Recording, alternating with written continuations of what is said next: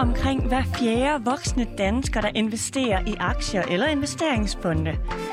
Men er aktiemarkedet egentlig for alle, uanset indkomst? For der er jo omkostninger ved at handle med aktier og med fonde. Man betaler nemlig en kortage, der typisk ligger mellem 14 og 29 kroner på de danske aktier. Og den betales ofte både, når man køber, men også når man sælger sine værdipapirer. Hvad end det er aktier, investeringsforeninger eller obligationer osv. Så hvordan gør du det smartest, hvis du er studerende og på SU, men alligevel gerne vil ind på aktiemarkedet? Og hvad skal du som studerende for alt i verden undgå, når du investerer dine penge? Det prøver vi at blive klogere på i dag. Jeg hedder Camilla Michelle Mikkelsen, og du lytter til Aktier for Nubis.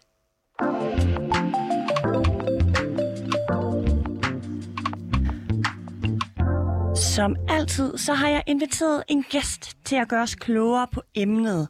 Og i dag, der er det dig, Daniel Hansen Pedersen. Velkommen til. Tusind tak. Daniel, du er YouTuber, og så hoster du også investeringskurser. Du begyndte at investere i aktier som 20-årig, og så har du jo faktisk en lang videregående uddannelse. Så jeg tænker, at du både har investeret under din bachelor og din kandidat. Hvor meget har du tjent, mens du studerede? Ja, det har jeg i hvert fald. Jeg købte min første aktie der som 20-årig, da jeg læste bachelor på, på universitetet. Og øh, der øh, investerede jeg i aktier for først 50.000 kroner, jeg havde sparet op på det tidspunkt. Øhm, og så senere så endte jeg med at investere for 89.000 i alt. Og øh, da jeg så var færdig med mit studie fire år senere, øh, efter jeg begyndte, der var de 89.000 steget til ca. 140.000 kroner. Så, så det svarer til et afkast på omkring de der ja, 50.000 kroner under studiet. Mm. Vi hører jo tit, at jo hurtigere man kan komme ind på aktiemarkedet, jo bedre. Blandt andet på grund af renters rente. Så i dag der skal vi to tale lidt om do's og don'ts, når man er studerende. Daniel, hvis man er studerende og læser på en videregående uddannelse, så får man cirka udbetalt 5.500 i SU om måneden. Dengang jeg var mm. studerende, der var min husleje, den var sådan mellem 4.000 og 4.500 kroner, så det gav mig altså et rådighedsbeløb på mellem 1.000 og 1.500. Giver det overhovedet mening at investere for så få penge? Ja, øh, det gør det. Altså, man kan sige, selvfølgelig skal man først overveje, øh, at man selvfølgelig skal have penge til andre ting end huslejen også. Og et af de første råd, når man investerer, det er, at man skal aldrig investere mere, end man kan tåle at miste. Så, så jeg vil ikke anbefale, at man sætter hele sit rådighedsbeløb af til investering. Men for at give et meget konkret eksempel, så hvis man investerer, lad os sige, 500 kroner om måneden, og du gør det fra du er 25 år, øhm, og så gør det i, i 25 år faktisk til du er 50 år, jamen så vil de 500 kroner om måneden faktisk kunne vokse til omkring 560.000 kroner. Men hvis du starter bare 5 år før, og starter som 20-årig, i stedet, som, i stedet for 25-årig, så vil du faktisk kunne have mere end 300.000 kroner ekstra på de 5 år. Og det er altså kun med 30.000 kroner ekstra investeret. Så de 30.000 og de 5 år, de vil faktisk kunne give 10 gange så meget i afkast, altså 300.000 ekstra øhm, senere. Så, så ja, jo tidligere man kommer i gang, jo bedre. Og selvom man tænker, at de 500 kroner, jeg investerer de her fem år, det kan være, at de ikke gør en forskel de første fem år, men hvis du så spoler 20 eller 30 år frem i tiden, så kan de lige pludselig gøre en kæmpe, kæmpe, kæmpe stor forskel. Ja, det her eksempel, du kommer med, jeg har været lidt inde og lure på din side, der hedder danielspengetips.dk, hvor du har de her investeringsprogrammer. Der har du en ret sjov beregner, hvor man kan se, hvor meget ens formue kan vokse på baggrund af opsparing, månedlige investeringer og antal år.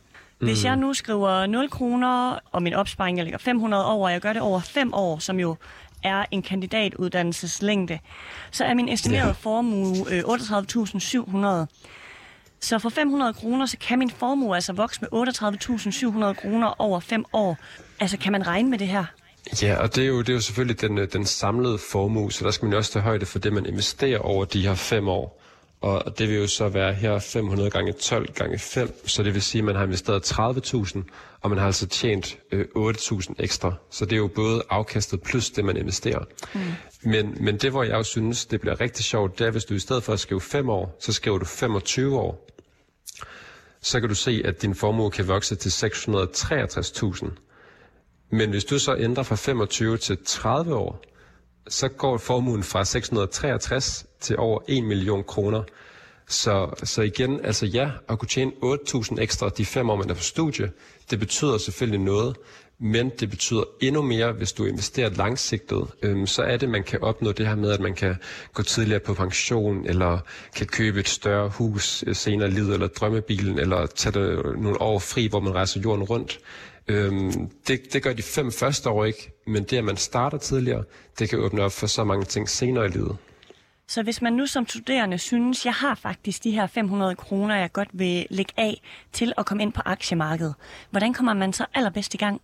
Jamen, øh, det første, man skal gøre, det er øh, egentlig lige at, ved at sige, tilegne sig lidt viden. Lidt ligesom på studiet, det er man jo rigtig god til, når man studerer og lærer noget nyt. Så, øh, så det her med aktier, det, øh, det vil formentlig også være ret nyt for folk, og der vil være mange nye både termer og forskellige ting, man skal sætte sig ind i. Også det her med cottage, som du nævnte tidligere med omkostningerne. Øh, så jeg vil anbefale, at man ja, altså ser nogle videoer på, på YouTube for eksempel, eller læser en bog, eller tager et kursus, eller, eller hvad det måtte være, men bare på en eller anden måde får tilegnet sig noget viden.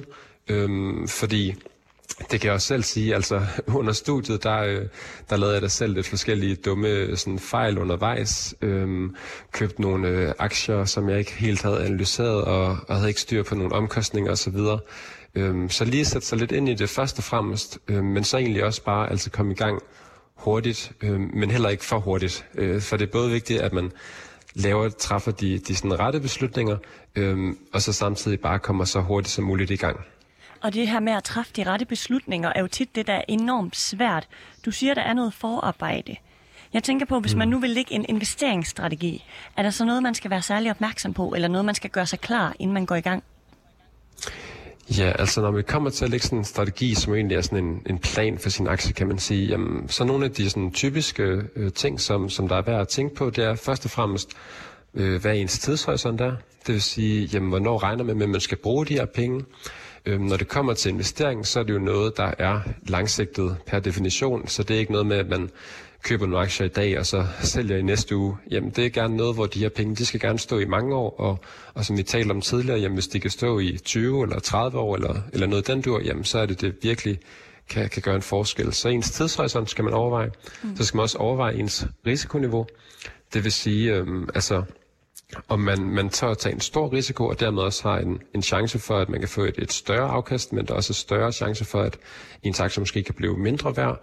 Så, så hvor stor udsving kan man klare? Kan man, kan man tåle at se sine øh, penge øh, stiger stige og falder øh, med flere øh, procent øh, hver uge, eller skal man tage noget mere konservativt?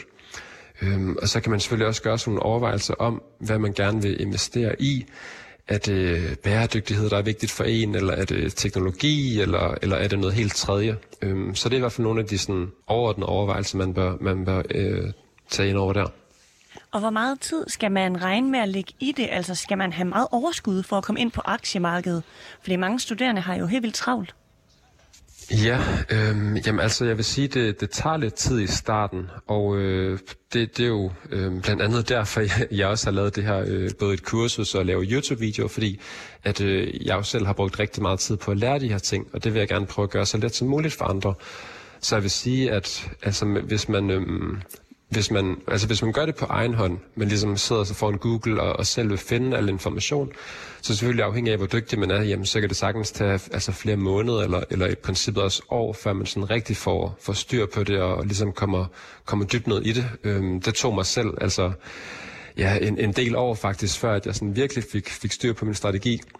Øh, men der findes bare rigtig meget god information rundt omkring på, på nettet. Selvfølgelig jeg er meget biased, men forhåbentlig det jeg selv laver, men også hvad, hvad andre laver af forskellige kurser og videoer osv. Øhm, så, så i hvert fald måske et, et par måneder, hvor man, hvor man sådan lidt intensivt lige øh, læser nogle bøger og ser nogle videoer, eller går til et foredrag, tager et kursus, hvad det måtte være. Men når man så har fået lagt en god strategi, og man har fået købt sine aktier, og så, så behøver man faktisk ikke bruge særlig meget tid på det. Øhm, der er mange, der tror, at man skal sidde og, og tjekke nyhederne hver dag og høre Millionærklubben og tjekke aktiekurser, men øhm, hvis man investerer langsigtet med, med en lang tidshorisont på de her i hvert fald 5-10 år eller længere, jamen så kan aktierne godt stå og passe sig selv, øhm, og så behøver man faktisk ikke bruge noget tid på det, når man først er kommet i gang. Og inden man nu kommer ind på markedet og ligesom køber de her aktier, du sagde, nogle hjerter banker for bæredygtighed, nogle for teknologi. Hvis mit hjerte nu var inden for bæredygtighed, hvad er det så, jeg skal undersøge, før jeg køber bæredygtige aktier? Åh, oh, jamen, altså bæredygtighed, det er jo først og fremmest et, et stort begreb, og som der jo især er oppe nu øhm, i tiden, og, og der er jo nogen, der, der forbinder det med, at en virksomhed øhm, er sådan levedygtig, at den øh, har profit, og den ikke går ned under hjem, og nogen er meget fokus på, på det grønne og på klima og så videre, så så, så man kan sige, hvis det, hvis det kommer til enkeltaktier, jamen så først og fremmest, jamen, man skal jo egentlig finde ud af, hvad er bæredygtighed for mig? Er det, er det, at virksomheden er, er bæredygtig, at den er profitabel, og den har en sund økonomi, eller er det, at den gør noget godt for klimaet, eller er det, at den gør noget godt for menneskerettighederne? Hvad, hvad er bæredygtighed for mig?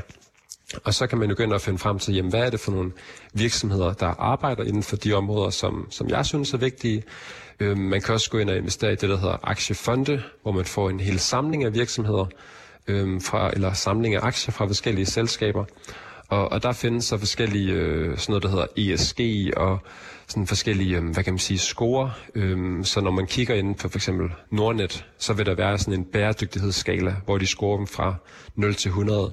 Og øh, det er jo sådan nogle forskellige kriterier, de er vurderet ud fra. Men der findes sådan forskellige kriterier og forskellige, de får et lille bladsymbol og sådan noget, hvis de er bæredygtige. Øhm, så det er i dag blevet ret både visuelt og øh, sådan overskueligt at, at se, hvor bæredygtig en fond er, fordi der er kommet så mange forskellige klistermærker og, og kriterier, som øh, de bliver scoret på. Hvis man nu som studerende synes, at det man har at lægge til side hver måned, det ligesom er 500 kroner, så kan det jo blive dyrt i kortage, fordi det koster mellem 14 og 29 kroner. Jeg ved, der er noget, der hedder en månedsopsparing, hvor man jo ikke betaler kortage hver måned. Vil det være den smarteste løsning for en studerende? Øhm, uanset om man er studerende eller ej, så hvis man har et, et hvad kan man sige, gåseøjne relativt lavt rådighedsbeløb, som f.eks. 500 kroner om øh, måneden til at købe aktier for, jamen så vil jeg i hvert fald personligt sige, så synes jeg, det er for dyrt, hvis man skal betale den her kortage på måske 29 kroner, fordi så er det ja, næsten øh, en procent at, øh, eller undskyld, det er, ja, hvor meget bliver det? Det, det er egentlig, ja, det er faktisk 5-6 procent af beløbet, som bare går til omkostninger. Mm. Øhm, og når man ved, at aktiemarkedet giver, lad os bare sige konservativt 7 procent om året, jamen så skal der nærmest gå et år øh, i gennemsnit bare før ens øh, omkostninger er tjent ind. Så der synes jeg absolut, at øh, løsninger, især som den månedsbesparing, som øh, servicen Nordnet tilbyder, jamen den er fantastisk for studerende, øh, fordi at det ikke er nogen kortage, og man samtidig kan automatisere det, så du kan købe automatisk hver måned, og du kan købe ind i de her indeksfonde, hvor du får aktier fra, fra for eksempel hele verden af, øhm, og dermed heller ikke behøver at sidde og analysere aktier osv. Så, videre. så det er en rigtig, rigtig god måde til studerende for at spare omkostninger, og også for at spare tid, og for at gøre det så let som muligt. Kan man ændre det her beløb, hvis man nu en måned tænker, at jeg har faktisk 700 kroner eller 800 kroner? Ja, det kan man. Øhm, så der er mange, der tror, at sådan forveksler det her med opsparing, at det er sådan noget med, at der skal man sætte et fast beløb over, og så er den låst i ikke antal år og sådan noget. Men det er faktisk bare en automatisk ordretype, der går ind og handler aktier for dig hver måned.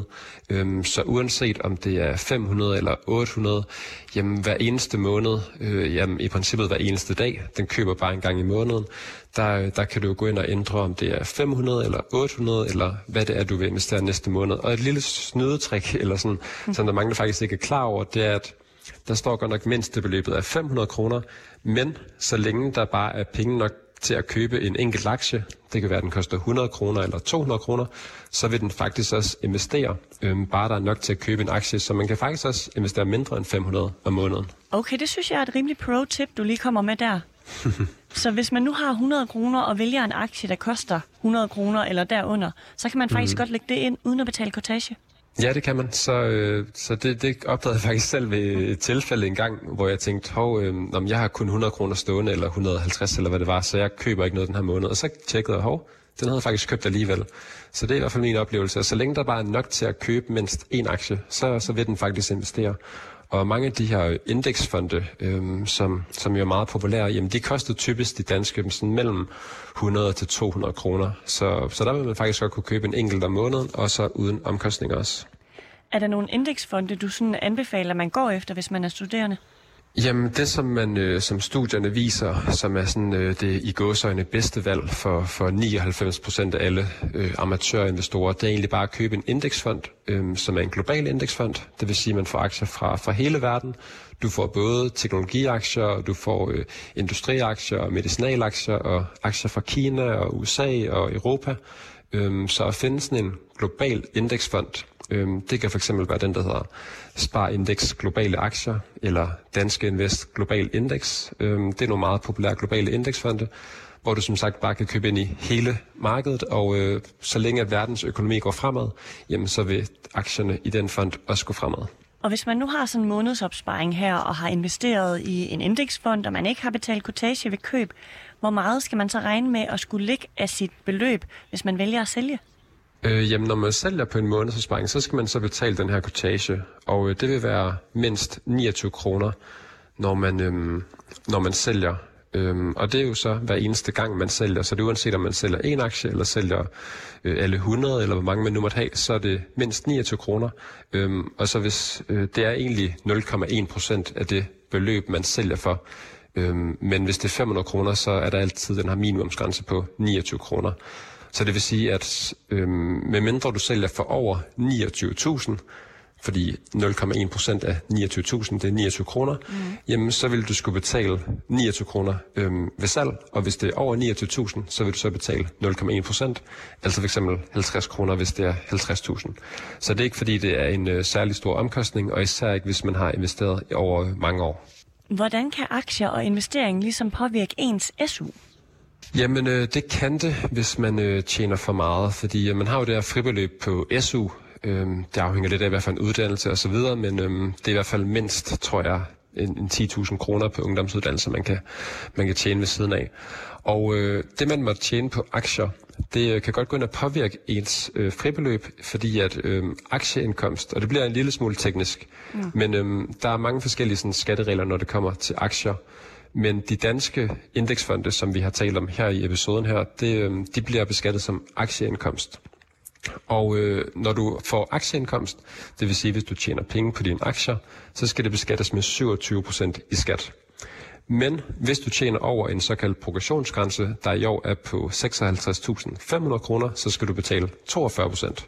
Det er også det, som politikerne snakker om at sætte op til 45 procent. Ja. Men det påvirker kun din SU, hvis du tjener over 56.500 kroner. Det vil sige, op til progressionsgrænsen, der påvirker det ikke din SU. Så det er altså kun noget, du skal være opmærksom på i forhold til dit fribeløb, hvis du er op at tjene over de her 56.500 kroner om året. Er det uanset, om man trækker pengene ud, eller har dem stående inde på sin månedsopsparing? Det er kun, hvis du så hvad kan man sige, såkaldt trækker pengene ud, eller det man også siger, realiserer et afkast. Øhm, så det er kun i det øjeblik, at du enten får udbytte fra aktien, eller at du har solgt dine aktier, og dermed har pengene stående kontant. Så længe pengene de bare står i aktierne, øhm, og du ikke sælger dem, jamen så, så gør, påvirker det overhovedet ikke, fordi du betaler først skat som aktieindkomst, og det er så efter det princip, der hedder realisationsprincippet, når du realiserer en gevinst. Så hvis de bare står derinde, og vi snakker aktiedepot, danske udbyttefonde, frie midler, det bliver meget hurtigt lidt teknisk, mm-hmm. men, men så skal man altså ikke øhm, bekymre sig om sin SU. Og man skal heller ikke bekymre sig om skat. Er det noget, det foregår automatisk også? Ja, altså man kan sige, øhm, om man skal bekymre sig om skat, ja, altså det, det kan man godt, fordi øhm, der er mange komplekse skatteregler i Danmark, og det er helt sikkert en rigtig stor sådan, optimeringsparametre, øhm, fordi du kan betale alt lige fra øh, 15,3 og 17 procent op til ja, 42, måske 45 procent, så, så det kan være en, altså der kan være penge at spare øhm, ved at sætte sig lidt ind i skat, men det er ikke noget, at man sådan, kan man sige, øh, man behøver at gøre noget aktivt ved. Øhm, det er kun et valg, man kan tage. Så hvis man bare køber aktier, og, øh, og sådan, så skal man ikke bekymre sig om, at man sådan glemmer det, fordi det sker nemlig automatisk. Men øhm, hvis man gerne vil, vil sætte sig lidt ind i det og, og spare nogle penge, jamen, så kan man godt sætte sig ind i skattereglerne og så kigge på, hvordan man kan, kan man sige, betale mindst i skat, og dermed få det højeste afkast til sig selv.